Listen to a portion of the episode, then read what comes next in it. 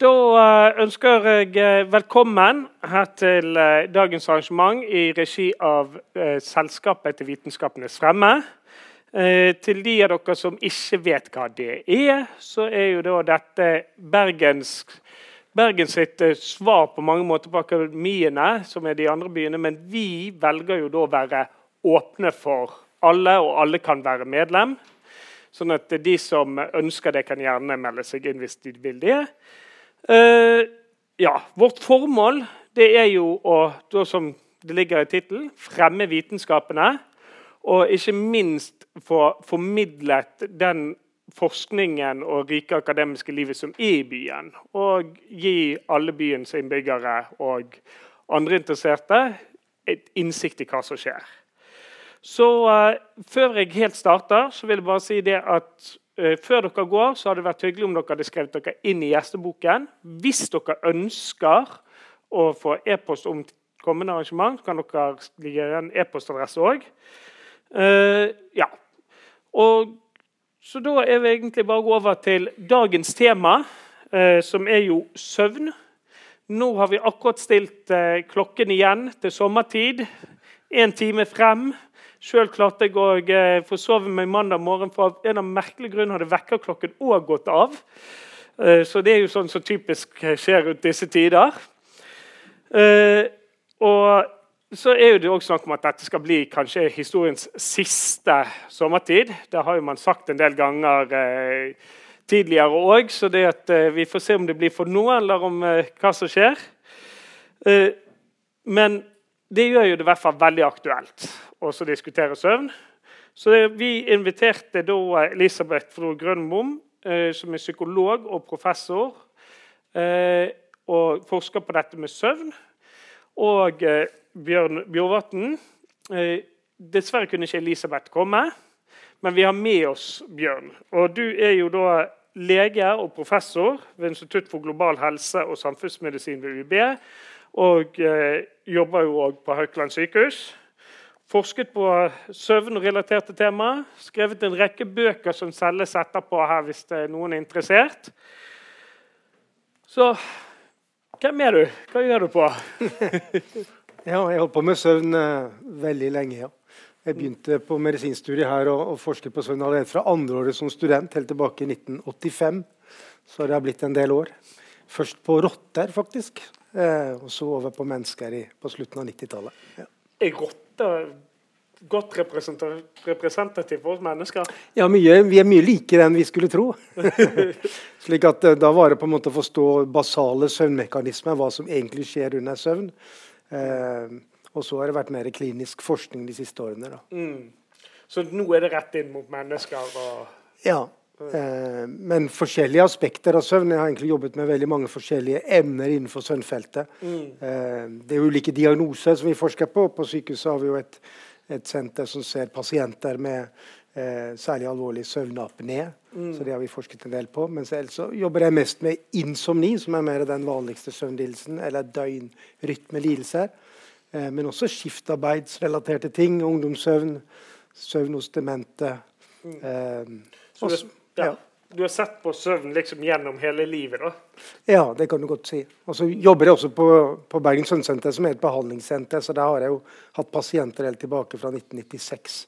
slik at Der ser vi jo ulike typer problemer. Eh, alt fra disse tingene jeg nevnte nå, til det som heter parasomnier, som kanskje er mer ukjent for folk. Men det å gjøre de rareste ting i søvne. Eh, gå i søvne, eller ha sex eller vold i søvne. Yes. Så ja, så det, det, altså, Jeg har jo hørt det at vi liksom nærmest slår av kroppen når vi sover. Altså, men det er liksom, den mekanismen fungerer ikke hos de da? Nei, og det er jo en feilslutning da, at hjernen eller kroppen skrus av. For det mm. skjer prosesser under søvn som ikke skjer under våkenhet. Mm. Derfor er ikke søvn bare fravær av våkenhet, sånn som man kanskje trodde for mange mange år siden. Under søvn så skjer det aktive ting som, som man på en måte, hvis man da ikke sover, får man da problemer med å fungere. Mm. Så, okay, så du, du, får problemer av å ikke sove. Men du var jo inne på dette her med insomni. Det er det vanligste problemet. Er det ett problem, eller hva? Altså, insomni står for at man har problemer med å få sove, samt at man da har nedsatt funksjon på dagtid pga. søvnproblemene. Eh, og Det kan jo være mange forskjellige ting. Eh, det trenger ikke å være én ting, men, eh, men, eh, men, eh, så leter man gjerne etter årsaker. Det kan være smerter som forklarer at man ikke får sove. Det kan òg være søvnapné som mm. forklarer at man ikke får sove. Det kan være stoffskiftesykdom, det kan være psykiske plager. Det kan være mange ting som spiller inn. Mm. Men, men insomni liksom likevel blir gjerne diagnostisert og så behandlet uavhengig av disse tilleggstingene. Nettopp. Du sa søvnapné. Det er når man, er det når man slutter å puste? Ja. Apné står for stans i pustingen. Nettopp. Så søvnapné betyr ikke nødvendigvis 100 stopp i pusten, men også hvis man reduserer pusten, ja, så man får mindre oksygen ned til lungene. Mm. Og en veldig vanlig lidelse som er omtrent like hyppig som insomni. Det er de to største Nettopp. og vanligste. Ja. Veldig interessant. Det, nå er jo liksom, Hva skal vi ta tak i og gå videre på? Eh, men du har jo sett eh, på dette her altså med søvn, hvordan det endrer seg gjennom eh, årene osv. Og så altså, Er det noe altså, Er det samme type lidelser altså, samme type søvnproblemer som man har gjennom livet? Nei da, noen lidelser er spesielt vanlig i barnealder eller ungdomstiden, og så vokser man da av seg. Mm. Mens andre lidelser kommer jo mest i høy alder.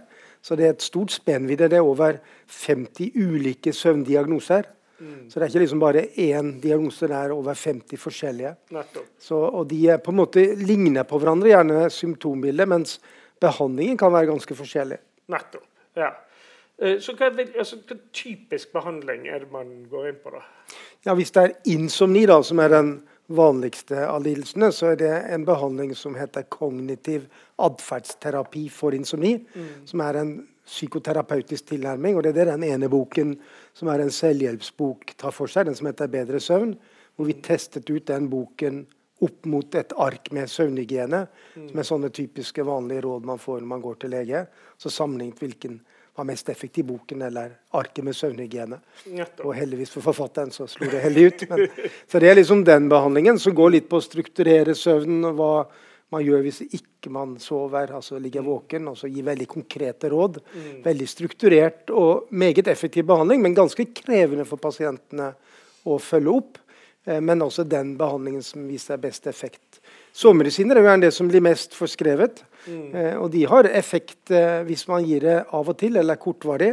Men tar man sovemedisiner over lang tid, så er det nok mange som opplever at effekten taper seg. Mm. Derfor anbefales ikke sovemedisiner til disse med kronisk insomni. Nettopp. Altså, så det at da, altså Sovetabletter kan da hjelpe de til å sove med kvaliteten? Er det det som blir forringet da? Eller? Nei, altså Sovemedisinene hjelper eh, når du tar det i begynnelsen. Ja. Eh, jeg pleier av og til å samle litt med alkohol. Drikker man alkohol av og til, så opplever man jo én type effekt. Men hvis man drikker alkohol hver eneste dag, mm. uke etter uke, så tror de fleste ser at det kanskje ikke er så smart. Og da vil effekten av alkoholen også endre seg. Man får ikke den mm. effekten man fikk innledningsvis. Og Det er kanskje det som er hovedproblemet med de vanlige sovemedisinene. At de, de, kan gi avhengighet, de kan gi misbruk, og, og, og de mister effekt, rett og slett. Det er jo det som er problemet. Ja. Uh, ja. Og, og, vi snakket jo litt før, og så kom vi så vidt innom dette her med at når man altså Du har snakket dette søvnhygiene. Og så er jo det dette at vi altså, Man er gjerne opptatt av å sove. Og liksom, okay, Hvis det, man føler at man ikke får sove godt, så blir man gjerne stresset av det. Det skjønner man ikke helt bra. Altså, har du liksom, Hva er det viktigste når det kommer til søvnhygiene? vil du si? Sånn.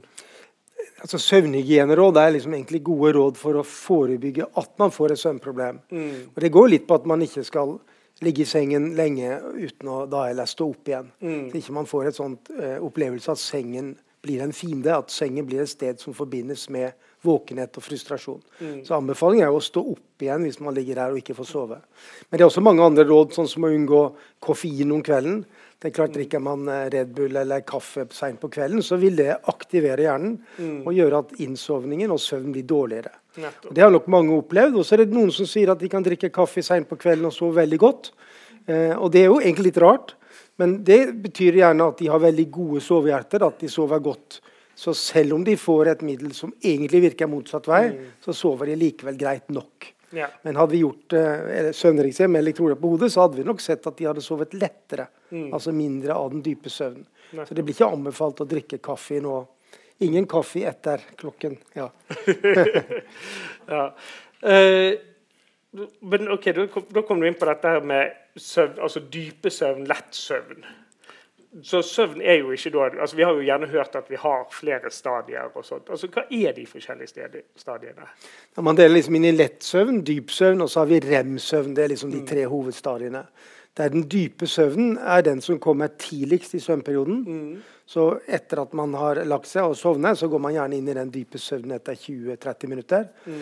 Og i løpet av de første 3-4 timene så har man den dype søvnen.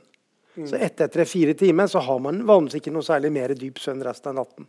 Nei. Da er det rem-søvn og lettsøvn som dominerer. Så det betyr at den beste og den viktigste søvnen har man i løpet av de første timene etter man legger seg. Mm. For den dype søvnen er viktigst for å bli uthvilt neste dag.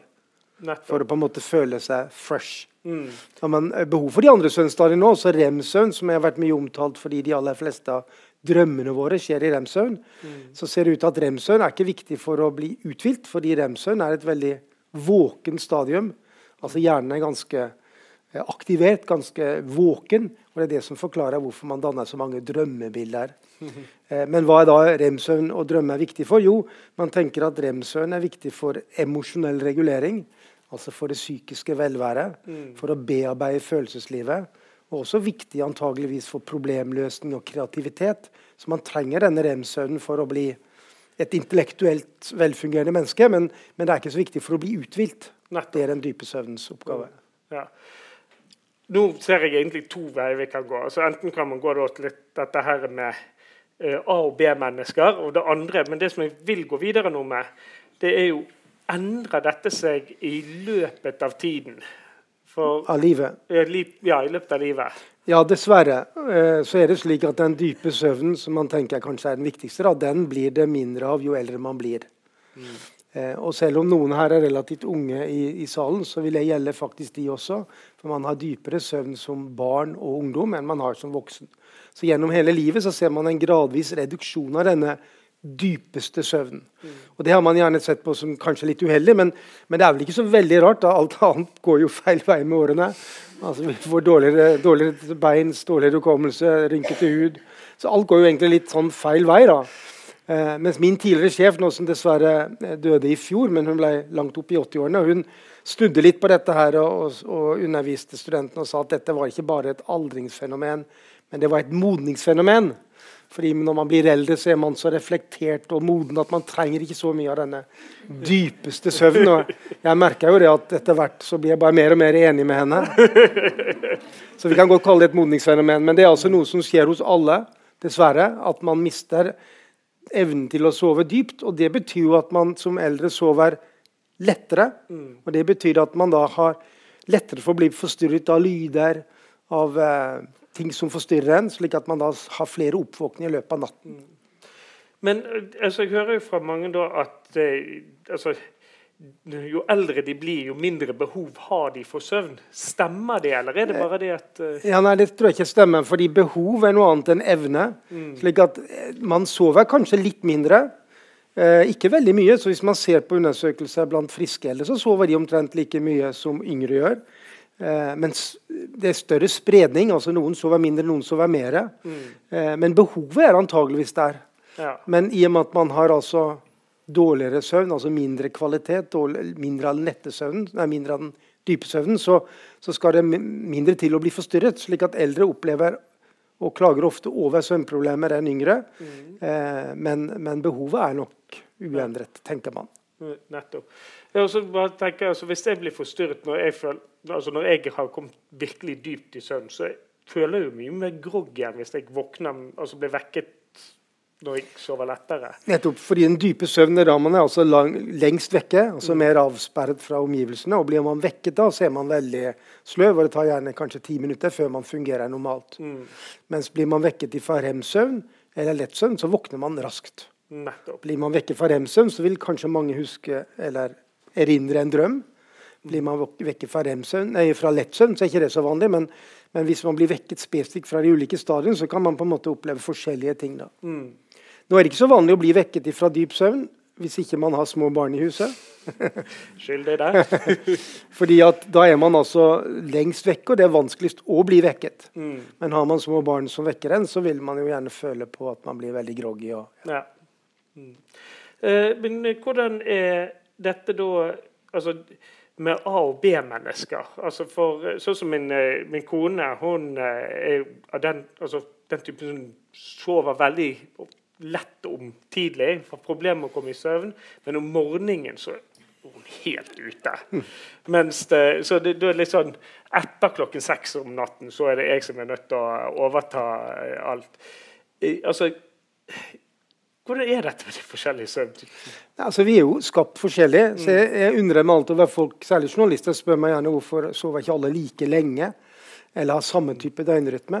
Det er jo rart om vi skulle være like når vi er så forskjellige. Bare se rundt den her. altså Folk ser jo forskjellige ut. Noen er høye, noen er lave. mm. Man har alle mulige forskjellige neser og ører og alt mulig. Så Sånn er det med søvn og søvnbehov òg. Vi er forskjellig skapt. Mm. Og A- og B-mennesker er jo på en måte bare to ekstreme varianter av døgnrytmen. Mm. Der A-menneskene blir tidlig trøtte mm. og våkner tidlig. Har en døgnrytme da, som går raskere. Så de er ferdig med døgnet tidligere enn et B-menneske, som liker egentlig å forlenge døgnet. Mm. Være oppe seint og sove lenge. Ja. Eh, og så er det jo ikke slik at man altså A- og B-mennesker altså De aller fleste er det vi kaller intermediære, altså mm. i midten. Slik at eh, Det er ikke slik at man er enten A eller B, men man er, de fleste er i midten. Mm. Og så er det ikke slik at man er A og B nødvendigvis gjennom hele livet. Nettopp, ja. Særlig i ung alder så er det mange som er B-mennesker, og jo eldre man blir, så blir man mer og mer A-menneske. Mm. Så mange eldre opplever jo at de våkner tidligere enn de gjorde når man var ungdom.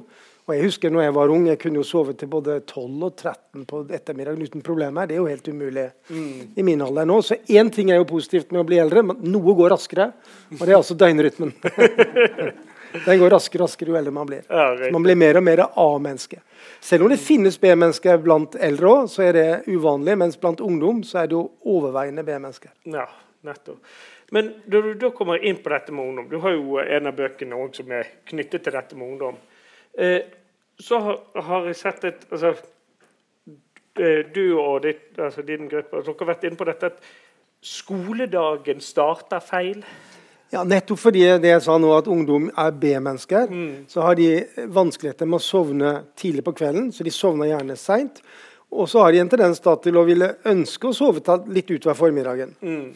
Eh, problemet er jo at skolen begynner jo like tidlig som det gjorde når du var barn, hvor du var A-menneske, mm. som når du er ungdom.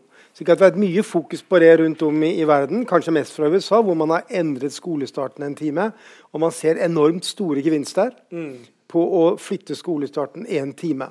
Eh, når det er sagt, så flyttet man skolestarten i USA fra halv åtte til halv ni. Og i Norge er jo skolestarten stort sett halv ni. Så det vi har lyst til å prøve, og vi skal gjøre en svær studie nå hvor man tester ut og flytter skolestarten med to timer hver mandag, én mm. time tirsdag, og resten av uken skal den være som før. Slik at ikke vi risikerer at hvis man flytter skolestarten en time, at de bare legger seg en time seinere. Ja, at vi gjør en sånn gradvis endring, slik at vi på en måte hjelper de litt etter en helg hvor de gjerne har snudd døgnet litt. Mm. Og så ser vi om dette vil påvirke karakterer og skolefravær og angst, depresjon. Ja. Så det er en stor studie vi går i gang med nå til høsten. Det er jo kjempeinteressant. Hvor er det dette skal gjennomføres? Det er skoler her i, i bergensområdet. Mm. Eh, men det har ikke vært så lett å få til studien. Det var riktignok skolevesenet som tok kontakt med oss for å gjøre studien. men når det kommer til stykket, så er det ikke alltid så lett å få til logistisk på skolene. Så Noen skoler har trukket seg, andre har vært interessert. Men det må jo da legges opp en timeplan. fordi mm. skal vi gjøre dette grundig, så må vi ha noen klasser som gjør som før, mm. og noen klasser som gjør endring. Og så må vi følge de over et år, mm. slik at vi ser hvordan det går med dem, slik at vi kan gi politikerne noen råd om er det lurt, er det ikke lurt. Ja. Og jeg er ikke så sikker på svaret som uh, tydeligvis mange politikere. For vi hører jo nå at noen politiske partier sier at nå skal de flytte skolestarten. Ja, riktig. Eh, og Det er jo litt dumt før man gjør vitenskapelige studier på det, tenker jeg vi da. Ja, det, man kan kanskje få fadesen med seks års skole tilbake igjen. Som var jo på samme måte at man flytt, altså startet med det før man egentlig hadde evaluert hva som skulle skje. Det er jo typisk, er det ikke det? Jo, det er jo det. Um, nei, altså for, da tenker jeg, altså for en skole så hadde jo det da kunne lærerne liksom hatt møtene sine på formiddagen. Ja, det, det, ja. Ja. det er jo litt viktig, ja, fordi hvis vi foreslo å begynne seinere og slutte seinere, Mm. så vil ingen dette her. Nei.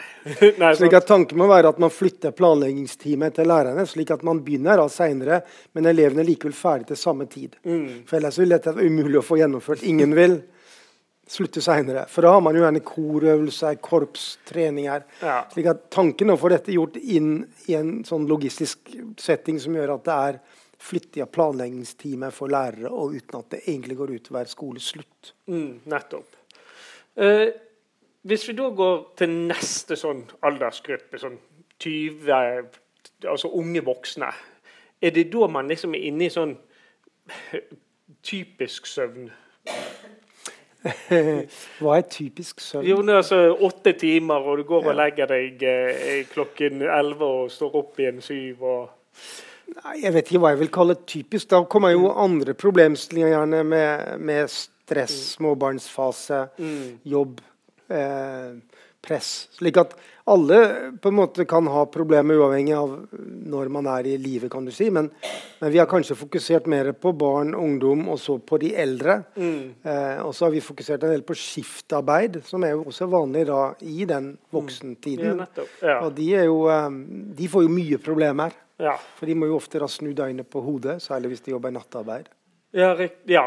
Og altså, det, hadde det vært en fordel da at de går konstant på nattskift, eller er det skadelig i seg sjøl? Ja, altså I Europa, og særlig i Skandinavia, så har man ikke vært tilhenger av det. Mens i USA har man vært tilhenger av at eh, nattarbeiderne er permanent nattarbeidere og går bare natt. Med tanken at man skal snu døgnet og fungere sånn. Det som studier har vist, er at det er veldig få som, av nattarbeidere som ønsker å snu døgnet til å fungere på natt også når de har fri. Slik ja. at man, man har en tendens til å bare gjøre når man jobber, og så vil man leve så normalt med en gang man har fri. Og Derfor har man i, i, hvert fall i Skandinavia vært mer opptatt av å rotere skiftene. Gå noen få netter, og så rotere til noe annet. Ja. Men vi har unntak i Norge. altså I Nordsjøen for eksempel, så går det ikke an å reise fram og tilbake hele tiden. Så Der går man jo enten en uke på natt eller to uker på natt. Eh, og De har vi forsket en del på. eller Det var noe av min forske, første kliniske studie. Vi reiste ut i Nordsjøen og, og gjorde forskning på de, og de, Det er jo en veldig selektert gruppe. Så de takler nattarbeid mye bedre enn det vi ser av de som jobber på land. Ja. Av mange grunner. De skal jo ikke reise hjem, de har ikke noen barn, de har ikke noen forpliktelser. slik at de fungerer overraskende godt. Ja, Og så har vel de og disse tiden av for å liksom komme seg igjen. Ja, så De går gjerne to uker på, og så har de tre til fire uker av før Ja. de skal ut igjen. Nettopp. Og Det er jo mange som ønsker nå å innføre nordsjøturnus på land. Mm. Det sto vel akkurat i Bergens Tidende her var det i går, tro om det var sånn de har klart å rekruttere leger, Mm. fastleger, til noen distrikter fordi de da tilbyr danske leger f.eks. Mm. nordsjøturnus. Så da jobber de fire uker eller to uker, eh, veldig mye, og så har de lang tid fri. Mm. Men det er ikke uproblematisk. Det er godt eh, for lønnsposen til legen og for eh, kommunen gjerne, men, men hvordan det vil påvirke helse på sikt, er nok ikke helt avklart. og jeg tror ikke, Hvis du spør hvordan jobber med den type forskning, eh, det er ikke det samme å jobbe eh, så harde vakter. Han legen som det sto med i avisen, han jobbet hvis da var det 14 dager. Så godt som på vakt hele tiden. Ja. Det er jo ikke det vi tenker på som sunt. Nei. Men altså Én ting er sunt for han, altså det er jo han som gjør valget, men hva med pasienten? altså Hvordan vil han, hans kognitive evner være? Hva tror du? Nei, altså, jeg vet at jeg ikke altså Hvis jeg er skikkelig trøtt, så velger jeg jo aldri å sitte meg bak rattet på en bil. Nei, og det har vært mye forskning på det også på leger, som viser at det ikke fungerer optimalt på natten, de heller, selvfølgelig. Når jeg var i turnustjeneste, så gikk jo vi på vakt fredag morgen, og så gikk vi av mandag ettermiddag. Ja. Det var helt hinsides. Og hvis du da kom ut for en trafikkulykke første natten hvor du ikke fikk sove, så var det jo nesten forferdelig å komme seg gjennom den helgen. Ja. Men ofte var det jo rolig, slik at man fikk sove. Da er det greit. Så lenge man får sove, så ordner det seg. Men, men det vet man jo egentlig ikke. Ja. Nå er jo det blitt endringer, og nå er det jo færre og færre som går sånne lange og døgnvakter. Men på Haukeland er det fremdeles døgnvakter på en del avdelinger. Mens mange andre avdelinger har delt i to, iallfall. Ja. Problemet med å dele opp i tre, sånn som sykepleiere gjør, altså åtte pluss åtte pluss åtte, er jo at det, krever mange flere leger. Ja. Og det er, ikke, og det er dyrt. ja. Ja. Så eh, da har de valgt å drive litt sånn rovdrift på disse legene, for å kalle det det. Ja. Nettopp. Ja, så får vi bare lure på hvordan pasientene får behandling.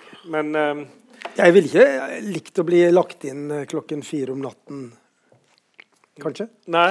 Men hvis du er veldig syk, Ja. så går det gjerne bra, for da blir man jo veldig våken når det kommer inn eh, en pasient med avrevet arm. Sant? Ja, sant. Eh, Men kommer du inn med litt sånn diffuse ting, så er det vært gjort en del feil. Og det er det som har vært dokumentert i forskning, at man, man overser ting lettere når man er trøtt. mm, Og studier har jo vist at dette er 24 timer uten søvn. mm, Så presterer man tilsvarende en promille på 1,0. ja. Altså Hvis man tester på reaksjonsevne, så vil altså reaksjonsevnen være like dårlig som ved en promille på 1,0 hvis man har gått 24 timer uten søvn. Mm, Det ene er jo straffbart til og med gjerne med fengsel, mens det andre skjer ganske mye i skiftarbeidssettinger. mm. Så eh, ja. Føler dere at dere får gehør for uh, dette? her, Eller eller er det Altså, jeg begynte jo med søvn så veldig lenge siden, hvor det var veldig lite gehør. Men jeg føler jo at søvn er kommet veldig mye mer på tapetet. Det står om det i aviser. Folk er blitt mye mer bevisst. altså Også innenfor helsevesenet er man mye mer opptatt av det. Så det har vært kjekt å være med på den prosessen og vært med å skape en interesse for et fagfelt som var veldig lite. mm. Jeg husker min tidligere sjef da spøkte med at man hadde årsmøte i, i Foreningen for søvnforskere i en telefonboks. Ja, riktig. Mens nå er det gjerne sant, Nå Ja. skal vi ha et stort møte på Solsand, er det påmeldt 80-90 stykker. Nettopp. At det er enorm eh, økning av interesse blant eh, helsepersonell. Ja. Det er bra. Det er veldig bra. Uh, og så går det over til litt uh, altså, som var inspirasjonen for dette møtet. Det er jo dette med sommertid. Hva gjør dette at vi stiller klokken frem en time? Hva gjør det med oss? Altså Veldig konkret, Det som skjedde nå natt til søndag, var jo at vi mistet en time. Mm. Så Det betyr at for noen så vil man da miste en time søvn. Mm. Og så er det viktig å understreke at på de aller fleste takler jo dette helt fint. Altså Ja. Det er nok viktig å understreke. Men i og med at dette skjer med alle, Mm. så har man gjort studier hvor man ser på hele gruppen. Er det da en økt risiko for ting? Mm. Og da er det det. Ikke så overraskende i min verden i alle fall, at når du har mista gjerne en times søvn, så skjer det en økning i trafikkulykker. De ser også økning i, innleggelse på sykehus. Til og med en økning i hjerteinfarkt. Eh, slik at man kan på gruppenivå påvise en risikoøkning. Mm. Som er på en måte da eh, Det er jo litt håpløst, for dette er jo sånn påført problem. Mm. Som på en måte de aller fleste i mitt miljø mener bør avvikles. da. Ja. For det er liksom ikke noe gevinst i det lenger. Eh, å ha den skiftet to ganger i året. Det er bedre å ha hatt én fast tid året igjennom. Så slipper man dette problemet. De som har mest problemer nå, er gjerne eh, altså, Vi ser det gjerne med, med folk som er psykisk utviklingshemmede, som er litt rigide. De syns dette blir veldig vanskelig å forholde seg til. Bønder sliter jo litt, for kuene har jo ikke skjønt at plutselig skal de hente melk ut en time tidligere eller en time seinere. Altså, det er en del sånne problemstillinger. Mens de aller fleste så går det jo greit, da, om Ja. man understreke. Mm. Og så er det det som du vel nevnte, at man går litt i surr. ja. Eh, for jeg har vært på TV 2 Nyhetskanalen om det noen ganger. og da skulle jeg sminkes da før den ene, og hun som skulle sminke, hadde da stilt på mobilen, og så hadde hun ikke vært klar over at mobilen stilte seg selv. Ah. Så hun kom jo ikke. Nei, nettopp. Så eh, ja. ja. Det, ja, virkelig. Men altså da eh, men Du nevnte dette at det påvirker hjertet òg. ja, fordi at man tenker hvis man sover en time mindre, så gir det en stressrespons. Så mest sannsynlig skyldes dette bare mangel på søvn. Sover man lite og skal på en måte på jobb og, og, og har da en time mindre søvn enn det man vanligvis har, så vil man jo være litt mer stresset i kroppen. At det da kan forklare at hvis man har et svakt hjerte eller er litt disponert for hjerteproblematikk, så vil det kunne være en utløsende faktor. Nei. Det er jo ikke slik at den ene timen er direkte årsaken, men det er nok et samspill med andre risikofaktorer, vil jeg tro. da. Mm.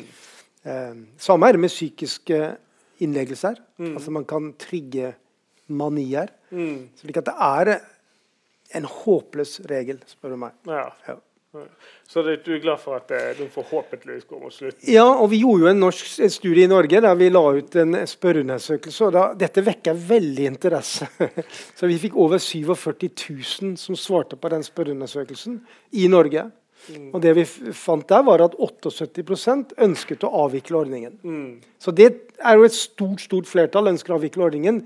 Det som er litt mer kontroversielt og vanskelig, er jo hva skal man da velge? Ja, det, det lurer jeg på. Eh, og der er det jo enten da å holde på normaltiden, eller det som da er vintertid året Mm. rundt, eller skal man ha sommertid året rundt. Mm. Og det spurte vi også om i den undersøkelsen. Altså hvis man nå avviklet ordningen, hva skal man da ha? Sommertid eller, eller vintertid? Mm. Og eh, da fant vi at det store flertall, omtrent dobbelt så mange, ville foretrekke sommertid året rundt enn vintertid. Selv om det er ikke det som kan du si er lurt ut fra et sånt søvnforskningsståsted. Eh, så er det mye data som tyder på at standardtiden er standardtiden Mm. av en grunn. At det da er forbundet med mindre helseproblemer enn å ha sommertid året rundt. Jeg har lyst til å bare legge til noe her, fordi at mye av den forskningen er gjort i land som ligger nærmere lenger sør. Ja. Slik at Hos oss oppe i nord hvor det er jo beka mørkt store deler av hele dagen om vinteren, og så voldsomt lyst hele sommeren, så er det kanskje ikke så avgjørende som det er lenger ned, som Tyskland, Frankrike. Så har det vært veldig tydelig data på at eh, vintertid er å foretrekke. Mm. En annen problemstilling vi har i Norge, er at Norge er jo ikke bare langt fra sør til nord. Nei, det Altså Vi går fra 59 grader til 71 grader nord. Mm. Vi går også veldig langt fra vest, her vi er, til øst Ja. i Finnmark. Og vet dere er klar over det, men altså øst i Finnmark så er de lenger øst enn Istanbul og Kairo. Så altså lengst øst mot uh, Russland-grensen så er de altså lenger øst enn Istanbul. Så vi burde jo kanskje i Norge hatt flere tidssoner. Mm. Uh, og det er klart at det har litt å si med valg. Altså vi har, Sammenlignet med Oslo så har vi solnedgang en 20-25 minutter seinere enn Oslo. Vi Så vi har vel- kveldslyset mer. Ja, for Vi skulle vel egentlig fulgt London, så hvis man hadde tatt eh, strekene på kartet. i hvert fall. Ja, sant? Altså det, det er en diskusjon. da, Så liker vi jo kanskje at ett land har én tidssone, men det er jo mange land som ikke har det. Mm. Altså USA, Kina, Australia. Det er mange land som har delt opp i tidssoner, men det gjør det jo litt sånn kaotisk. Ja. Det kom vel egentlig Dette med én tidssone i Norge kom jo visstnok med toget når de skulle ha samme tids avgangspunkt fra Bergen og Oslo. Så ja, Så man ble hentet på togstasjonen på en tid som alle visste Ja. hva var. Ja. Mm. Det er jo logisk, det. og det, det som var vedtatt i EU, var jo at man skulle avvikle denne ordningen. Men så sa EU da at man kunne anbefale hvert enkelt land å bestemme om det skal være vintertid eller sommertid. Ja. Det blir for meg kjempevanskelig å forstå. Altså Hvis danskene for eksempel, skal ha en annen tid enn oss. ja. Så vi må jo på en måte enes om én ting i Europa. Virker sånn, ja. Eller så ja. skal du reise liksom fra Norge, og så er det én tidssone til København. ja. Og så skifter du igjen når du kommer til Tyskland. Og Selv om det er rett ned, liksom. Ja. Ja. Men det kan skje. Mm. Nå har det jo ikke skjedd noe mer etter 20, Det var jo 2019 denne anbefalingen kom, men så kom jo pandemien. Mm. Så jeg tror egentlig alt har blitt eh, parkert litt. og så Nå er det jo noen land som har avviklet det, men jeg, når du hørte på Vestre, som er altså ministeren som har ansvar for tid i Norge, så, så sa vel han veldig tydelig at han vil avvente hva EU gjør. ja. Så da har vi nok eh, et par stillinger til, i hvert fall. da. Ja, kanskje. Det er ikke godt å si. Eh, eh, Vi håper jo at det avvikles, men, men hva vil dere da? Vil dere ha vintertid eller sommertid? Ja. Sommertid og vintertid. Eh, ja. Jeg tenkte at vi kunne også åpne litt for spørsmål fra salen. Så eh, hvis dere har noen spørsmål, så rekker dere opp en hånd, og så hjelper vertene våre her med å komme rundt med mikrofon, sånn at vi alle kan høre. Altså Grunnen til at sommertid er foretrukket av mange, er jo kveldssolen, særlig på sommerstid. Det er jo kjekt å sitte ute, og så er det sol til langt på kveld. Men det, Om man gjør fra jobb, så er det varmere sol. Ja. Men det man gjerne ikke tenker på, som man må tenke på da, hvis man har sommertid året rundt, så vil det være veldig mye mer mørkt om morgenen gjennom hele vinteren. Sant? Fordi du får en konsekvens. Eh, slik at Hvis du tar vintertid hele året, da, som det egentlig er standarden, så vil det være lysere på morgenen, men mørkere om kvelden. Så kan du si at Her i nord hvor det er så stor variasjon, så er det kanskje ikke så farlig sånn som det er hvis det er mer stabilt. Da. Men, men, eh, men dette skaper voldsom entusiasme. og det, Vi har aldri gjort en undersøkelse før hvor vi har fått så mange sånne hat-e-poster. For det første var de som ville ha vintertid, syntes det var forkastelig at vi kalte det vintertid og ikke standardtid. Men vi ville ikke si standardtid, for da tenkte vi det ga noen sånne føringer på at folk skulle Standard er jo standard. Men vintertid høres ikke så positivt ut som sommertid. Mm. Så de, var veldig negativ til det. De som eh, var sommertid, da fikk vi en veldig sint eh, telefon seint på kvelden. Han var så rasende. Han ville ha sommertid, for han ville ha sol om kvelden. Ja. Det var jo også et argument at det var lettere å få barn i seng hvis Ja. man hadde vintertur. De fikk en bedre søvnrytme. i Ja. Mm. At ikke de skulle være Ja da. Altså, barn i seng, det kan jo jeg bare virkelig si at det er jo et, eh, et problem hjemme hos meg. altså, Når vi begynner å bli lysere og sånt, så bare Ja, men det er jo ikke mørkt ute. Det er jo ikke kveld. Det er, men eh, for å ta akkurat det der, altså dette med lys. Hvordan påvirker det, da? Altså Lys er jo den viktigste innstilleren av døgnrytmen vår. Så Hadde solen sloknet, så hadde det vært katastrofe for oss. Du ser jo hvordan planter liksom lukker seg i mørket. Og Sånn er det nok litt med oss også, at vi, vi åpner oss opp når det er lyst. Bare tenk når våren kommer, hvor liksom eh, mye mer glade vi blir. Eh, og så har vi jo noe som heter vinterdepresjon, som er jo en, en depressivitet som er relatert til mørketiden. Så selv om de aller fleste takler mørketiden og lite lys godt, så er lys viktig for oss mennesker for å holde døgnrytmen på plass. Jeg tror mange av dere opplever at det er tyngre å stå opp i vintertiden, altså i mørketiden, enn når sommeren kommer, hvor solen egentlig da kommer tidlig om morgenen. Så er det lettere å våkne. Man er mer ja, våkner lettere, rett og slett. Holde døgnrytmen på plass. Så det lyset som vi omgir oss med, det påvirker oss, da? Ja, altså Innelys er jo ikke så veldig mye, men Nei. dagslyset er veldig viktig for oss. Eh, og Her ser dere at dette her er veldig gult, mens det som virkelig påvirker søvn og døgnrytme, er blå bølgelengder i lyset, som man får i sollyset, som er hvitt. Ja. Mens her er det gult. Gult bølgelengde har lite effekt på døgnrytmen vår. Eh, da hopper jeg litt, grann, sånn, men siden det var akkurat dette med blå lyset Jeg har akkurat fått meg nye databriller. Og da var det sånn Ja, skal du ha blålysfilter? Ja. altså, døgnrytmen styres av en biologisk indre klokke. Det er der man har A- og B-mennesker, vi snakket om før. Og så har sikkert mange hørt om melatonin, som vi sikkert skal snakke mer om etter hvert. Men melatonin produsert det er et sånt hormon som produseres et annet sted i hjernen enn denne biologiske klokken, men de påvirker hverandre. Eh, og lyset er på en måte Man må på en måte ha lys for å justere døgnrytmen, og melatonin og alt dette her påvirker hverandre. Eh, men hva var spørsmålet igjen da? Nei, altså Det var dette med databriller. Så Ja, har de, databrillene. funkt, altså, Ja. det- Altså, poenget er at for å roe ned om kvelden og bli trøtt, så må du unngå å få blått lys. For det vil jo gjøre det motsatte. Det gjør deg våken, og, det, og på en måte det blå lyset reduserer melatoninen, som du egentlig vil skal stige når kvelden kommer. Så Derfor har jo mobiler, iPads og alt sånt, de har gjerne et sånn filter eh, som man setter på, som gjør at man tar vekk det blå lyset. Og Da er det rimelig greit. Men hvis du sitter foran en dataskjerm med mye blått lys, så vil det være poeng å ha filter på brillene. Nettopp. Ja, for ellers så blir du aktivert, og det er vanskeligere å sovne. Ja.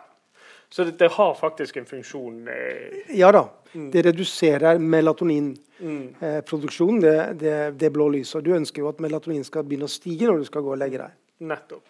Og, men da kommer jo det kanskje litt inn med dette med sommertid og vintertid. Eller er liksom lyset, i hvert fall her nede, såpass dempet eh, på kveldstid om sommeren at vi ikke har det? Nei, det er ikke det. Så klart, nå, vi har jo sol til kanskje 11 og av og til lenger i enkelte steder i Sør-Norge. Og, og i Nord-Norge er det jo kanskje døgnet rundt. sant? Slik at det kan da forstyrre søvnen og døgnrytmen. På samme måte som mørket kan gjøre det. Det kan bli for mye lys, og det viktigste med lyset er å få lys på rett tid. Så når vi behandler pasienter med døgnrytmelidelser, så er det avgjørende at vi gir lys, men på rett tid. For gir vi lys på feil tid, så flytter vi døgnrytmen feil vei. Ja, riktig. Eh, og derfor er liksom, Det er mange som eh, tror de kan lysterapi, men så kan de ikke fordi de på en måte skjønner ikke at man må gi lys på rett tid. Mm.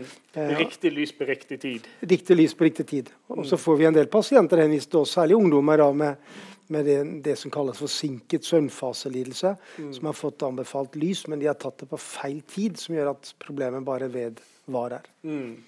Så lys er viktig, eh, og det som er viktig, er jo på en måte å holde døgnrytmen på plass. Mm. Eh, og da er det for mye lys om kvelden kan være uheldig, men for lite lys på morgenen kan også være uheldig. Mm. Så, altså, så dette her, sånn bevissthet rundt disse tingene her, det er liksom noe som virkelig kan være med på å hjelpe hvis man eh, Ja, absolutt. Og jeg tenker at det med lys er viktig også for eldre. fordi eh, noen, Den første doktorgraden vi gjorde på lys eh, ved demens, var jo å se hvor stor effekt lys hadde på en demensavdeling på sykehjem. Mm. For mange på sykehjem er liksom ikke ute i dagslys Nei. eh, i det hele tatt. Og det sykehjemmet som vi undersøkte da, som ligger her i Bergen, de hadde ikke Ingen av pasientene var ute. Mm. Eh, slik at de fikk ikke den dagslyseksponeringen. Mm. Eh, og da blir døgnrytmen og søvn problematisk. Og da ga vi lysterapi til frokosten med stor effekt på søvn og døgnrytme. Mm. Og mange også hjemmeboende eldre har òg litt lite dagslys-eksponering fordi de er mindre ute i dagslys enn Mm. enn de gjerne burde. Det gjelder også ungdommer som Mm. sitter nede i et mørkt kjellerrom og gamer med en caps ned i pannen, og de Mm. får nesten ikke noe lyseksponering i det hele tatt.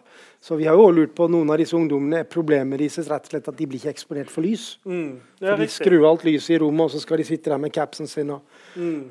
og de kommer ut i dagslys og liksom, uff, det var fælt, for de er jo ikke vant til å bli eksponert for lys i det hele tatt. Mm. Og da glir det i Ja. Eh, Du var inne der på at dere hadde vært på en demensavdeling. Eh, Hvordan var altså, Du sa at altså, det de hjalp de, men altså, hjalp det òg med demensen, eller nei, Nei, altså eh, Det sjekket vi ikke på et Nei. vis, men det er ikke å forvente at demensen blir reversert av Nei, vis. så nå tenker ikke reversert, men det kan jo være altså, Du sa det at altså, søvn, og spesielt da det virker som rem-søvn altså, det, Du jobber med tankene og minnene og den. Så Ja.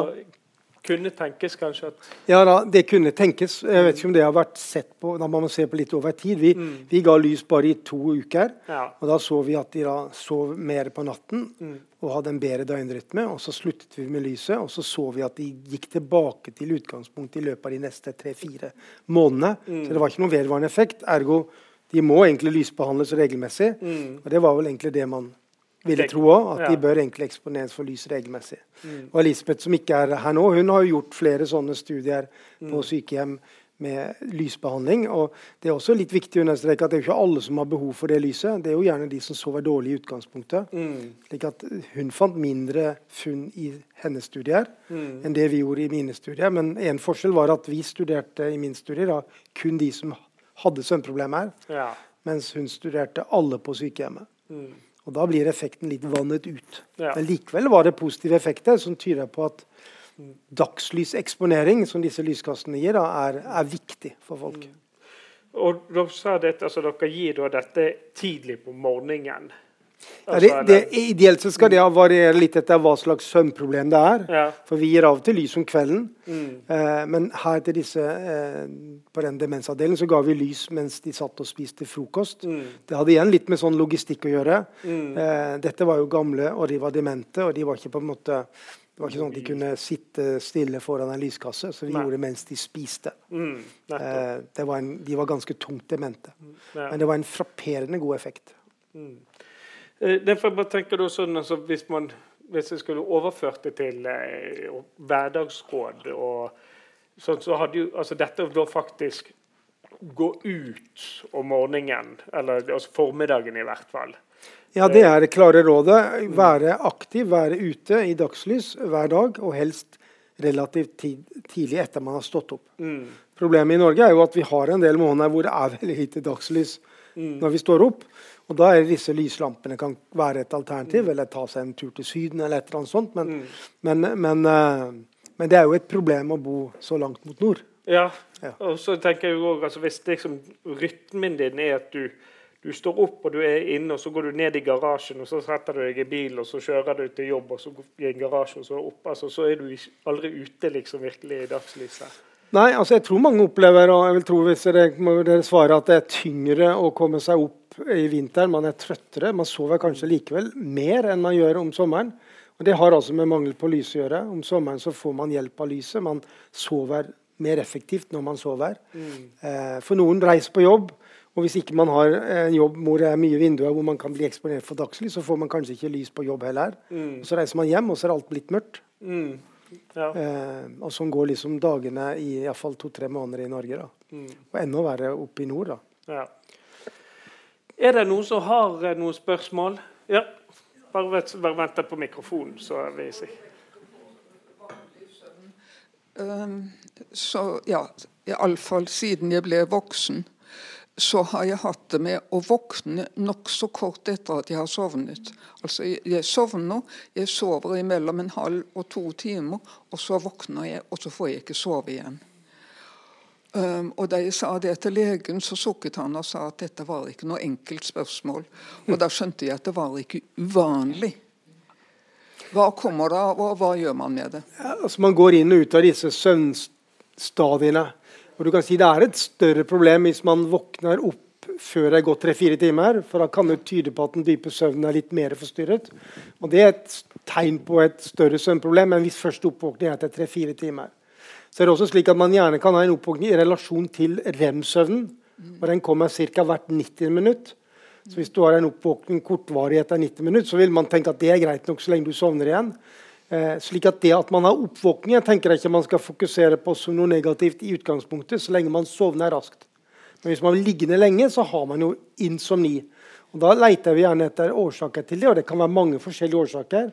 Det kan være insomni bare, som krever en behandling. Det kan også være relatert til pussestopp, altså en søvnapné. Det kan være relatert til noe som heter restless legs, og sånn rykninger i beina om natten. Det kan være relatert til mange forskjellige elementer. Og Det er også kobling opp mot psykisk uhelse. slik at Man må liksom utrede det og så se hva man da finner, og så behandler man deretter. Eh, men Det er ikke uvanlig, det er det ikke, men, men, det er jo ikke normalt at man blir liggende lenge våken. Og Hvis du bare våkner alt etter en time to og ikke får sove igjen, så blir jo søvnlengden veldig kort. da. Ja, altså Jeg følte at jeg trengte mer søvn. Ja, Ja. ja det er jo helt Og, og den kom ikke. Nei. Nei. Men det er jo nok ting man kan gjøre med det. Men, men eh, det er vel som kanskje legen din da sa, at det er ikke noe enkelt spørsmål. For det kan være så mye forskjellig. Ja. Ja, hei. Eh, egentlig to spørsmål. da. Det ene er mener jeg har lest et sted at man kan eh, Det finnes en sånn grense for rundt en uke. At man kan ta igjen søvn hvis man har sovet lite eller dårlig. Opp mot en uke etterpå da, så kan man ta det igjen med å sove inn eh, den tapte søvnen. Og så Skal jeg svare på det først, kanskje? Ja. Altså, Man tar aldri igjen alt man har tapt. Det er derfor vi søvneksperter alltid anbefaler å prøve å få nok søvn hver natt. Altså For det du taper, det tar du aldri igjen, men du kompenserer litt. Altså Hvis du er på underskuddet av søvn, så har jo mange opplevd at man sover dypere og litt lenger når man er på underskudd, i forhold til man ikke er på underskudd. Så Man sover gjerne litt ut i helgene hvis man har sovet for lite i løpet av ukedagene. Så man prøver å ta litt igjen. Det er kroppens måte å prøve å hente seg inn igjen. Men man tar aldri inn igjen alt man har tapt. Og man er ikke helt sikker på om ikke det kan få konsekvenser hvis man hele tiden går på det underskuddet. Eller for å si det litt mer brutalt, man er ganske sikker på at det har noen konsekvenser hvis man hele tiden går på underskudd. Eh, Så anbefalingen er å prøve å sove nok hver natt. Men ikke mer enn nok. Eh, Og nå nevnte du åtte timer. Det, det er liksom en myte som noen hevder at man trenger åtte timer. Det, det, det er bare tull. Det finnes ikke noe bevis på at åtte timer er bedre enn syv, f.eks. Snarere tvert imot. Det viktige fra mitt ståsted er at man skal sove lenge nok til å være uthvilt. Og det vil være stor variasjon, som det er med alt annet i verden. Så det er stor variasjon i søvnbehovet. Noen klarer seg med få timer, andre må ha mange timer. Men det normale er å ligge mellom seks og ni timer. Snittet i Norge ligger rundt syv. Og vi lever jo veldig lenge i Norge, så det er ikke noen grunn til å tro at vi hadde levd lenger hvis vi var, levd sov åtte timer. Snarere tvert imot så viser dødelighetsdata at de som sier åtte timer søvn hver natt, de lever kortere, av høyere dødelighet enn de som rapporterer syv timer. Så ikke vær opptatt av å oppnå åtte timer, men vær opptatt av å sove lenge nok til at man føler seg uthvilt. Og føler man seg uthvilt neste dag, så har man sovet nok. Selv om det er fem timer. Det er uvanlig, da kaller man det kortsover. Men de er også blant oss, kanskje 2% 2,5% er kortsovere. Så har vi langsovere som sover, må ha over ni timer for å fungere. Eh, så du kan si hvis, vi, hvis dere har sovet mellom seks og ni timer, så er det liksom normale. Da er det liksom ikke noen grunn til å tenke at det iallfall er unormalt. Men sover man under seks eller mer enn ni, så, så vil jo vi som behandler gjerne utrede litt og se om det er noen grunn til å gjøre noe. Men, men kortsoverne er jo bare heldige. De er Kjempeheldige. Jeg hadde en pasient han kom flyvende inn til meg til Bergen Sønnesenter fra et annet sted av landet. Han var et par og 80 år og hadde vært til alle mulige leger hele livet sitt og hadde tenkt på dette som et kjempeproblem. Han hadde fått medisiner, prøvd alt mulig, ingenting hjalp. Og Så spurte jeg ja, hvordan fungerer du på dagtid. da?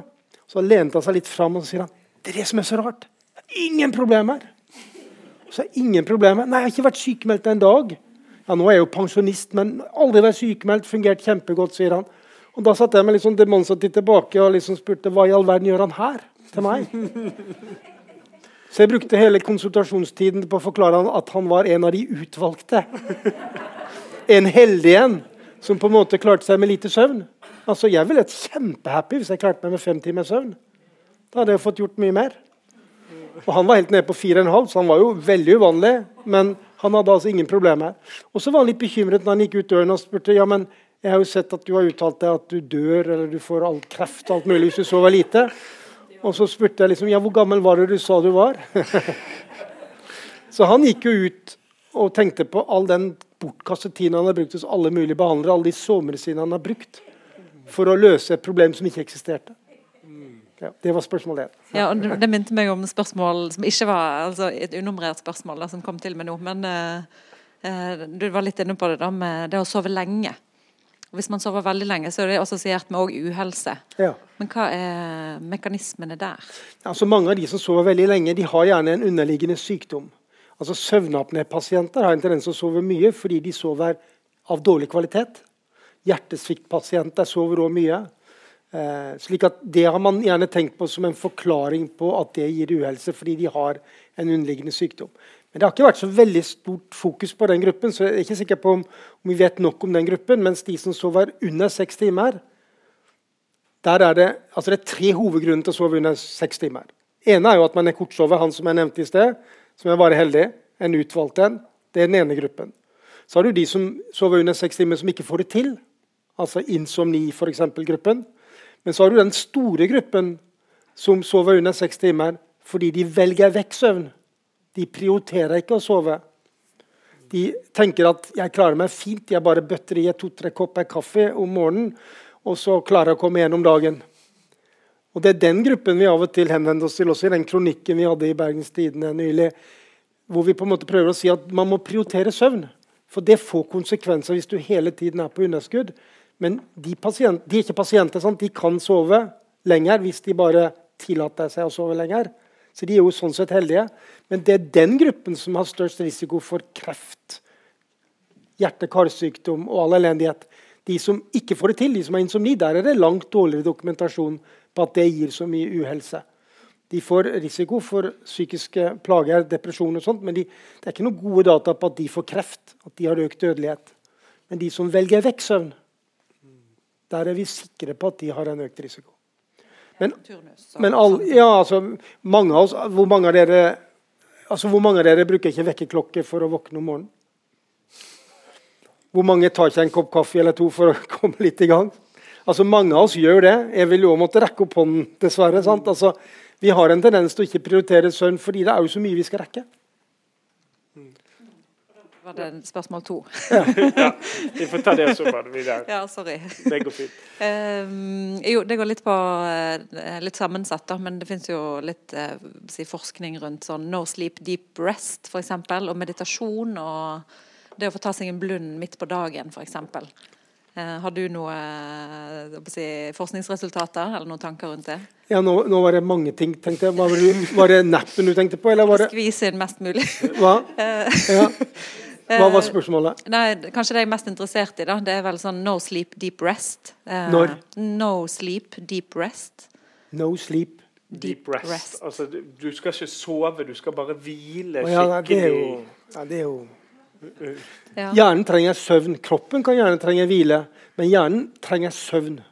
Den trenger ikke at du ligger der og, og hviler. Altså, Den trenger gjerne det òg, men, men, det er ikke noe tvil om at hjernen må ha søvn. Du kan ikke erstatte søvn med meditasjon eller bare rest. Det er eh, ja, Men det er mange rare teorier der ute. Altså, sist fikk jeg en journalist som mente at man skulle teipe igjen munnen for å bare puste gjennom nesen. Og så var det noen som plasserte en kald isbit eh, på brystet. Altså, det, sånn kommer hele tiden. Og så varer det en stund, og så er det helt vekk igjen. Sånn har det vært siden 1985, da jeg begynte å forske på søvn. Så, ja. Dere husker Aschehoug-koket på 80-tallet, de som er gamle? Ja. Mye rare ting. Men nei, hjernen trenger søvn. Eh, og det er klart, Har du sovet for lite om natten, så kan man kompensere det med en høneblund, en napp på dagtid. Eh, men det er kanskje et tegn på at man har sovet for lite om natten hvis man har behov for en høneblund. Så det gjelder å sove nok om natten. Men hvis man ikke har anledning til det pga. småbarn andre ting, så er det greit å kompensere med en nap. Men en nap er ikke lurt å ta hvis man har søvnproblemer om natten. Så har man insomni, så er det noe av det første vi tar vekk. fordi da ønsker man å bygge opp alt søvntrykket til natten, slik at man får sove iallfall om natten. Så nap anbefaler vi til friske som ikke har problemer med å sove, men som er på underskudd. Mens hos insomnipasienter så er det en av de første tingene som frarådes. Jeg skulle akkurat spørre om dette her med napp. Ja. Men nå har jeg diagnosen søvnapne. Og den fikk jeg ikke før jeg nærmte meg 80. Men når jeg var på universitetet og studerte, så hendte det nesten hver gang at jeg sovna under forelesningen. Og noen av disse foreleserne syntes det var veldig ubehagelig. Men det var helt umulig å la det være. Men nå når jeg bruker sovemaskin, så hender det en sjelden gang at jeg er veldig trøtt om dagen. Nå forsto jeg deg sånn at du syns det er helt greit å ta en liten hvil da. Ja da, absolutt. Men det høres ut som du kanskje hadde søvnapné i mange år før du Ja, fikk diagnosen. Men det ble jo aldri forsøkt om det var noe sånn. Og Det er jo liksom en helt annen ting enn insomni. De som har så stor søvnighet på dagtid, da kaller man gjerne hypersomni. Og Det er jo en egen utredning for de nå. Og søvnapne er én forklaring. Det kan være andre ting. Dere har kanskje hørt om narkolepsi, som er en veldig alvorlig nevrologisk det er jo nesten utrolig at jeg har overlevd med å kjøre bil i alle år. Ja, altså Det er vel en viss fare hvis du hadde kommet til meg at jeg hadde tatt lappen fra deg. For det er jo bekymringsfullt, dessverre, hvor mange har opplevd å sovne bak bilrattet. Og det kan jo få veldig fatale konsekvenser, ikke bare for deg, men for folk rundt deg. Så, så det er man også veldig opptatt av i dag. Og, og søvnapne er jo en diagnose som er forbundet med økt søvnighet. Og man er veldig nøye nå på dette med førerkort, og reglene er veldig strenge nå. Men du Skal bruker ikke- CPAP-maske. Skal jeg ikke si til fastlegen min neste gang jeg går til kontoret for å få Så lenge du bruker CPAP og har god effekt av det, så er det lov å kjøre bil. Kan gi til naboene der, så. Ja, jeg, har, jeg fikk eh, Etter en sykdomsperiode så da jeg måtte bruke innsovningstabletter, så fikk jeg problemer med innsovning. Og har vært på, til konsultasjon og, og kjørt det her ganske problematiske eller krevende opplegget som du har laga, anbefaler, med å og ikke, ikke å stå opp med en gang, eller stå opp når man ikke får sove om natta, og være oppe til man er trøtt og sånn.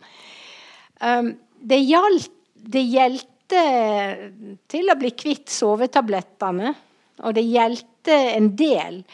Men jeg syns sånn nå, nå når noen må en god halvt år etterpå, så syns jeg at problemet ved å stå opp når jeg våkner veldig ofte og blir liggende våken Men står du opp, så blir du i hvert fall våken minst en to timer. Og derfor så er jeg i grunnen slutta ofte å stå opp, fordi at hvis du blir liggende, så sovner du i hvert fall gjerne etter en time. Så jeg er ikke så helt sikker på om, om det funker helt bra, det opplegget ditt. Jeg vil gjerne understreke at det er ikke mitt opplegg. Dette er et opplegg som brukes i, hele vestlige verden, som har en rekke studier. Jeg, innførte den til Norge, men basert på et amerikansk kanalisk opplegg. Så Den kalles altså kognitiv atferdsterapi for insomni. Det er en veldig godt dokumentert effekt, men samtidig er det jo slik at det er ikke alle som har effekt, og man må av og til tilpasse behandlingen. Men tanken bak det å måtte stå opp er jo at man skal unngå at pasienten ligger der og er frustrert og ender opp med å få en sånn negativ kobling mellom seng og søvn. For det er så mange pasienter mine som jeg kan si, at de kan være stuptrøtte på vei inn i soverommet. Og når de kommer under dynen, så våkner de til. Og så har de gjerne en ektefelle som er helt motsatt, som på en måte er veldig aktiv, kan til og med drikke kaffe på kvelden og pusse tennene litt hardt, men når de kommer på puten, så sovner de nesten før hodet treffer puten. Helt motsatt. altså De har en da veldig sterk kobling mellom seng og søvn. Når de kommer i sengen, så blir de trøtte og sovner. Mens insomnipasienter opplever gjerne at sengen ikke lenger fungerer som noe som gir søvnighet, men det gir våkenhet. Og Det er anbefalingen med å bryte mønsteret med å stå opp. Nå er det ikke målet at pasienten står opp, men målet er at man ikke skal få en negativ kobling mellom seng og våkenhet. Eh, det er det man egentlig prøver å bryte. Og, og Behandlingseffekten det viser at 80 kanskje av pasientene responderer på sånn behandling. Veldig bra. Men likevel, det er jo noen da som ikke har makseffekt. og Da må man kanskje justere behandlingen og gjøre litt andre ting. og, og legge ting til. Men, men det er liksom førstevalget. Fordi sovemedisiner har en tendens til å virke bare to, tre, fire, fem uker, og så er effekten relativt dårlig. Eh, noen vil gjerne si at det ble enda verre uten sovemedisin, men, men, effekten er såpass dårlig at de fremdeles sover dårlig. Så når vi starta behandling med denne kognitiv atferdsterapien, så lar vi de fortsette på sovemedisin. Mm. Nei, men det fungerte, det at det ble kvitt sovemedisin. Det jeg ikke gå tilbake til den. Mm. Nei da, men man må ikke heller tenke på sovemedisin som verdens største problem heller. Altså, så lenge man tar sovemedisin av og til, så kan det være greit. Da slipper man denne avhengigheten. Litt sånn som alkoholen. Drikker man på alkohol fredag og lørdag, så blir man jo ikke alkoholiker nødvendigvis. Men, men, drikker man hver dag, så blir det et problem. Og sånn er det med sovemedisin. Det blir ikke anbefalt hver dag, for da vil effekten tape seg. Det var et spørsmål til der også. Ja, det er dette med å sove flere ganger om dagen. Altså, det har jeg gjort i den grad jeg har kunnet. Jeg har sovet midt på dagen eller på ettermiddagen, og så igjen om natten. Og jeg har hatt leger som har sagt at det der er ikke sunt. Og jeg sier at jeg fungerer ikke om kvelden hvis ikke jeg har sovet tidligere. Og det er jo tradisjon i veldig mange land for å sove to timer i døgnet. Ja. Så det må jo være noe i det. Ja, altså Siesta er jo mer vanlig i Sør-Europa enn det er i, i, nord. og Det er ikke noen data som nødvendigvis sier at det er mer problematisk å sove to bolker enn å sove én lang bolk. Så Jeg ville ikke vært bekymret hvis du føler det funker for deg. Eh, det er ikke alle som har anledning til det hvis man er i jobb og med små barn. og sånt, men, men jeg har ikke noen grunnlag for å si at det er skadelig. Mm. Nei, jeg sovnet alltid under barne-TV. Ja. Sammen med barnet? Ja. Nei, barnet. Nei, altså, men man har vært opptatt av det de kaller gjerne polyfasisk søvn. Skal man dele søvn inn i flere bolker? Og noen har eksperimentert med at man da ved å ha to bolker da kanskje trenger mindre søvn i lengde, altså antall minutter, enn hvis man har én lang søvnperiode på natten. og Da tenker man at man kan tjene inn litt tid. Eh, man har ikke noe endelig svar på det. Eh, det er resultatet som går litt i begge veier. En, en, studie fra Finland viste at de som tok høneblunder, hadde dårligere helse og døde mer tidligere enn de som ikke tok høneblunder. Men det studien ikke kunne kontrollere for, var jo om det var en grunn til at de tok høneblunder. Det kunne være at de var syke. Eh, slik at Man vet ikke om høneblunder er skadelig eller om det er positivt. Spør man folk i næringslivet, så er de jo veldig opptatt av at sånne naps, kortvarige naps er veldig bra for oppmerksomhet, konsentrasjon. At det er noe som fremmer produksjon. Eh, og jeg tenker at Så lenge det funker, så fortsetter man. Det er ingen grunn til å gjøre endring, selv om vi da sier noe. så er jo det vi sier, det er jo fordi det ikke funker. Altså Har man et problem, så funker jo ikke det man gjør. Og Da kan vi komme inn og gjøre korrigerende forslag og, og behandling. Men har jeg noe som funker, så fortsett men sånn det funker. Ja, eh, da, Jeg har et par ting til som jeg bare har lyst til å få kommet innom. Eh, det første kort. Dette med å snose om morgenen. Ja. Det er jo eh, Der er vi òg litt på kollisjonskurs med de som snuser. altså, jeg, og her er kollisjonskurs med mine barn, for de syns det er så deilig å, å å bruke den snusknappen. fordi mm. da går de liksom inn og ut av drømmesøvn. Det er liksom et av argumentene. Men hvis du tenker at du må stå opp klokken halv åtte for å rekke ting, så er det jo bedre å sove fram til halv åtte uforstyrret mm. enn å sette på snusknappen klokken syv og så bli forstyrret hvert tiende minutt fram til halv åtte. Mm. Så Derfor anbefaler vi ikke å snuse. Mm. Men det disse vil hevde, er jo at de begynner å snuse halv åtte. Mm. og så snuser de fram til åtte. Ja. Så er de altfor seint ute, da, selvfølgelig, men da har de liksom fått litt mer søvn. da. så vi må liksom rydde opp i hva vi egentlig snakker om. Altså, det beste er å sove uforstyrret. Ja. Snusingen gir jo forstyrret søvn. Ja, riktig. Ja. Så jeg er ikke tilhenger av å snuse. Nei. Hvis det var det du lurte på. Nei, jeg, det, jeg bare husker en eh, tidligere kollega av deg eh, som eh, lå seg litt sterkt i ordlag om hva det Altså, hva var det, mer voldtekt av hjernen å snuse? Å ja. Vi har gjort en studie på det nå som vi sitter og skriver opp data på. fordi det er veldig vanlig, særlig i ung alder, å bruke denne snusknappen. Og Nå har ikke vi gjort opp data, så jeg skal ikke si så mye om det ennå. Men, men det, er, eh, det er ikke anbefalt i søvnmiljøene. Fordi man på et vis da får forstyrre søvn den siste halvtimen eller timen.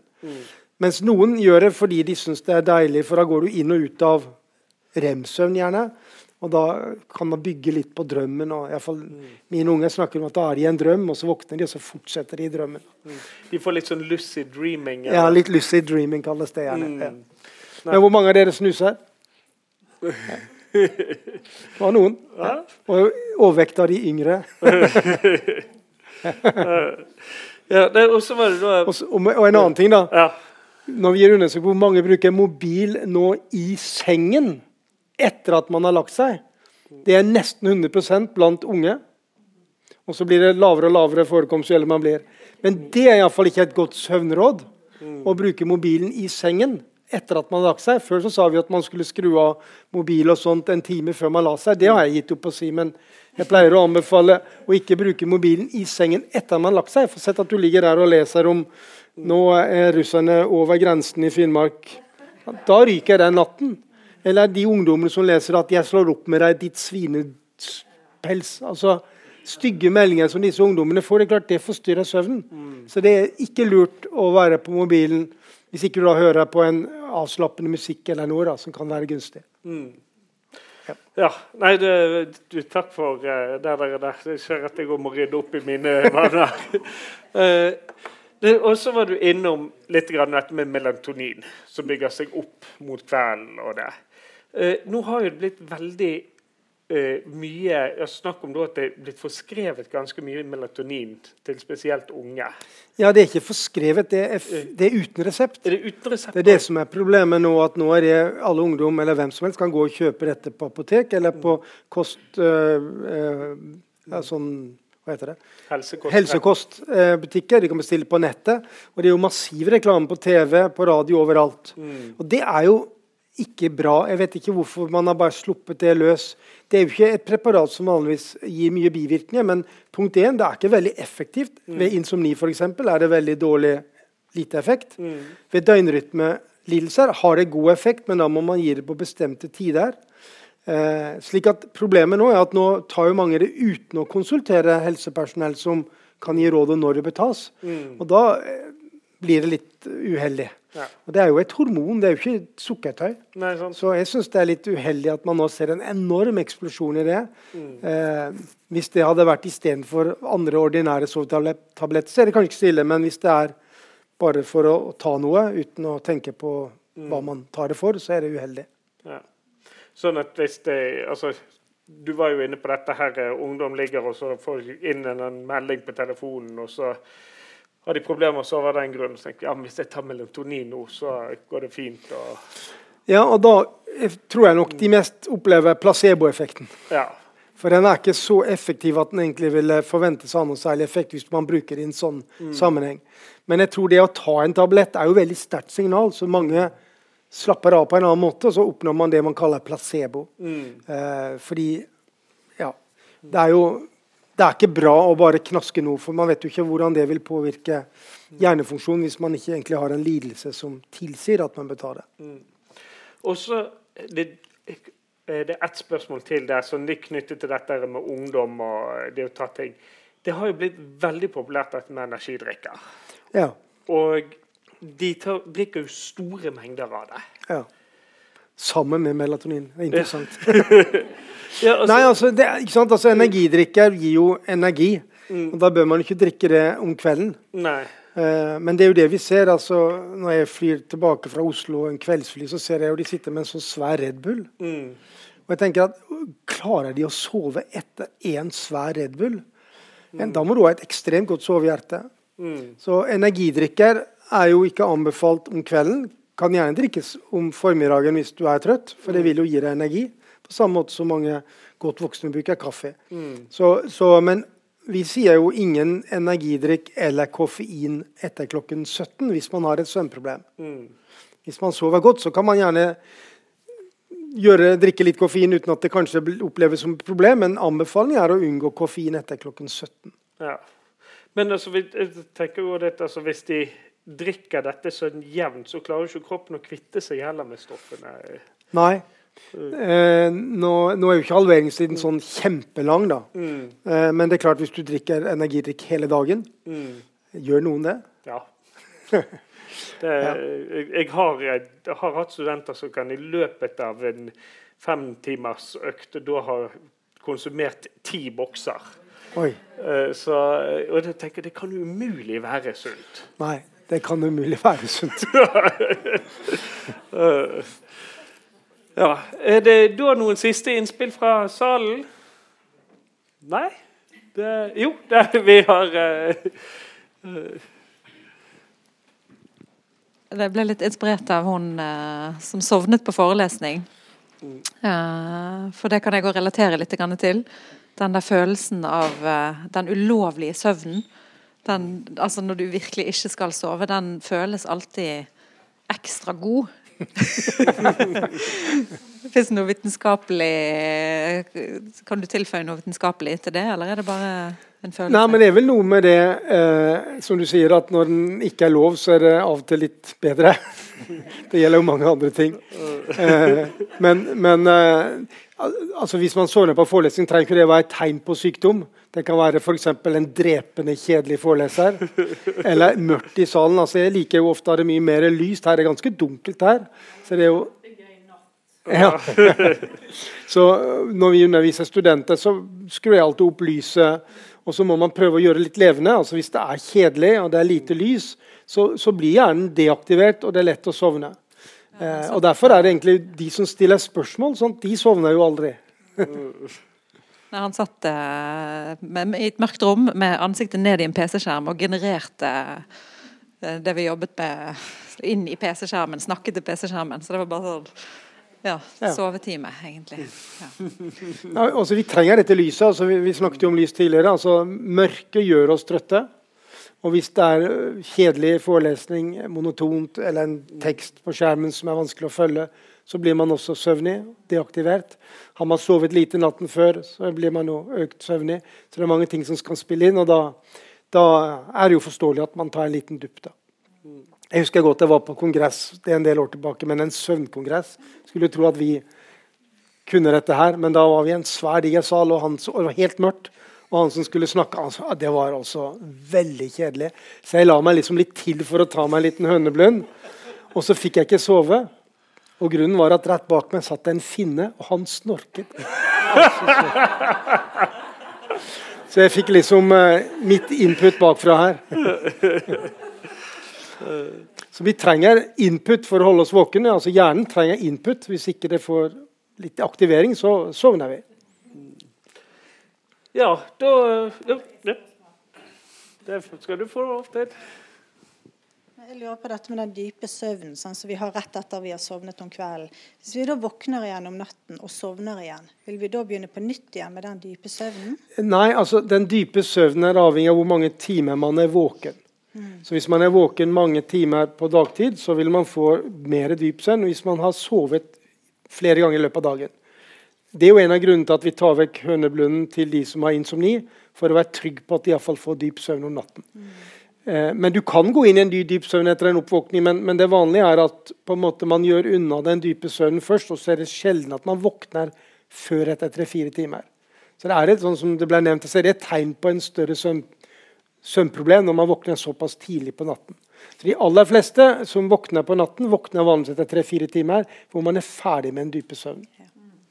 Hvis man da tar en ettermiddagslur, da, da, har jo man gjerne vært våken ja. siden seks-syv om morgenen og klokken er blitt ettermiddag. Vil man da falle inn i en dyp søvn? Ja, Det er derfor man anbefaler at ettermiddagsdippene vanligvis er maks 20-25 minutter for å unngå å gå inn i dyp søvn. For hvis du går inn i dyp søvn, så er det så vanskelig å våkne igjen. Da blir man så groggy, da føler man liksom ikke den store gleden av det, kanskje. Eller så bør man kanskje sove halvannen time, to timer for å komme ut av den dype søvnen igjen. Men å, å våkne etter 40-50 minutter er vanligvis tungt. Ja. Så høneblunder. Hvis man holder det til 20 minutter, så slipper man å gå inn i dyp søvn. og Da forstyrrer det heller ikke natten noe særlig. Ja, da tenker vi kan eh, avslutte. Eh, så da har du ett godt råd for, liksom, som dekker alt. Alle disse her 50-60 eh, problemene vi har, som vi kan ta med oss. ikke det er rart? sant? Man snakker en time, og så er det ett råd som skal Ja. dekke alt. Jeg elsker det spørsmålet.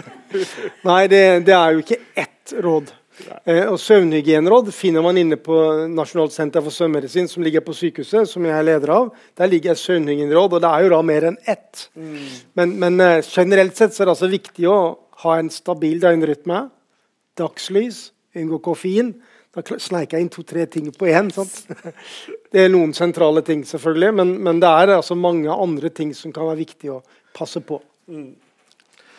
Ja, da eh, vil jeg eh, takke for oppmøtet, og ikke minst takke deg, Bjørn, for at eh, du stilte opp her. Jeg vil igjen minne på gjesteboken, som greit hvis folk river seg inn i. Og så selges da noen bøker her fremme for de som er interessert i å ta med seg rådene hjem.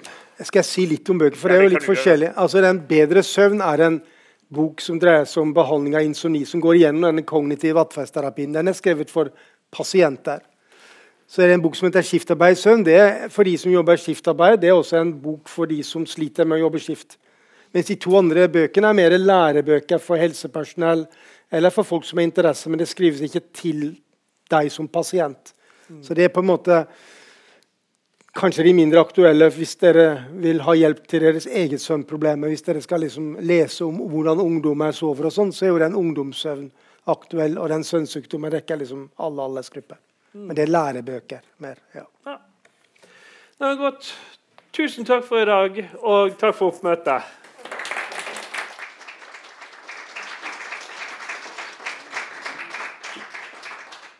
Du har lyttet nå til et opptak av et arrangement i regi av Selskapet til vitenskapenes fremme.